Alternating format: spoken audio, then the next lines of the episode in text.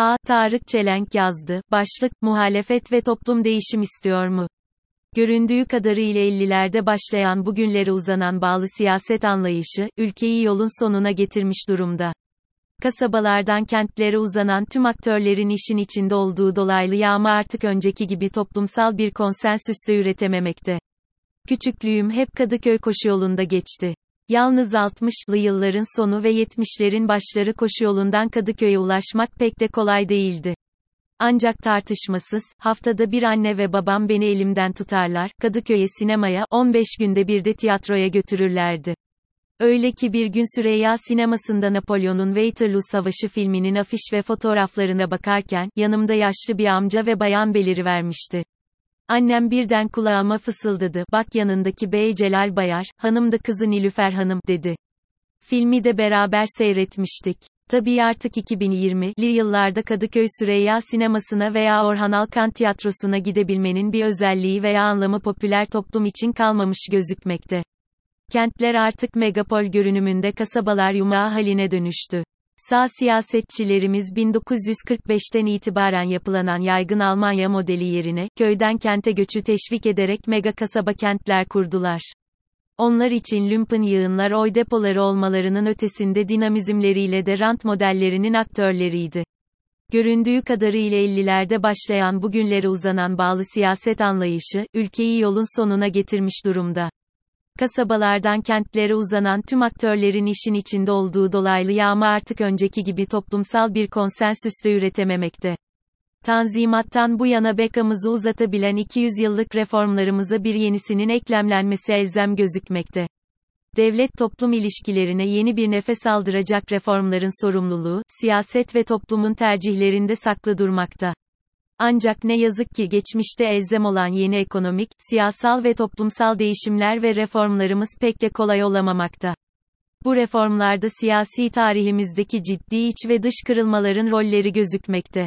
İsmet İnönü'nün iktidarı devrederken yapacak bir şey yoktu, toplum değişimi arzuluyordu ifadesi örneğindeki gibi, toplumsal rıza ise ancak bu şoklardan sonra değişimi talep edebilmişti.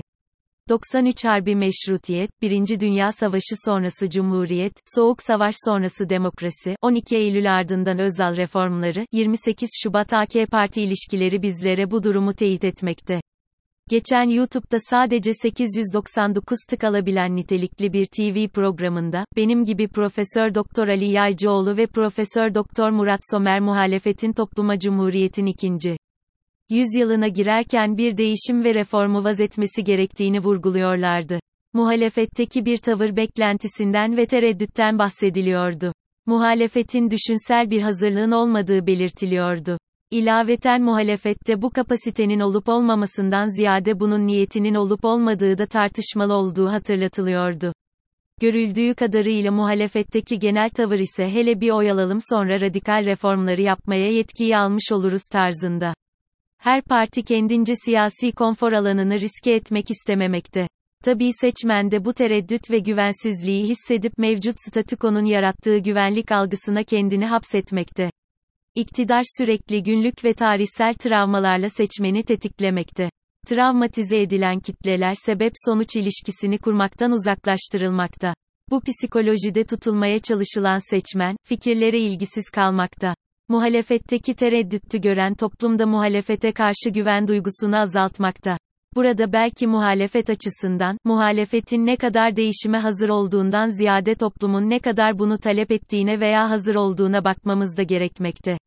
Bu durum akla merhum Demirel'in, Türkiye'yi yönetmek mümkün değildir ancak idare etmek mümkündür, sözünü getirmekte.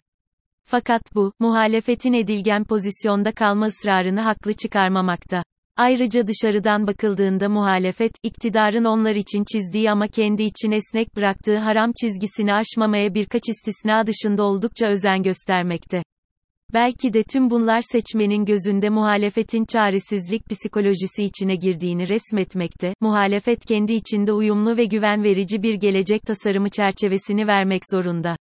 Statükonun bir çıkar alanı ve alışkanlıklarını sürdürebilmek için ısrar ettiği tüm iç ve dış sorunların yükünü barındıran paradigmanın tartışılmaya açılması gerekmekte. Nokta. Buna inanmayan siyasiler de seçmeni inandıramamakta. Muhalefetin adeta ABD'nin kurucu babalarından Thomas Jefferson, Un Manifestosu gibi ikinci yüzyıl paradigma değişimi manifestosuna kararı ve ihtiyacı görünmekte. Ülkenin reformları yapabilmesi için geleceğe ilişkin bir güvenin muhalefetçe verilebilmesi gerekmektedir. Samimi bir helalleşme ve devlete karşı işlenen tüm siyasi suçları özelinde alan radikal genel bir af önerisinin muhalefetçe verilebilmesi bu güvenin kapısını açabilecektir. Belki de seçmen bu şekilde reform paradigmasını muhalefetten satın alabilecektir. Muhalefetin bir an önce çaresizlik psikolojisi izleniminden sıyrılması gerekmekte. Seçimin kazanılacağı ve yeni bir dönemin gelişinin kaçınılmaz olduğu psikolojisi yazıda ifade edilen gelecek vizyonuyla geçerli kılınmalı. Muhalefetin tek çıkış yolu bu gözükmekte.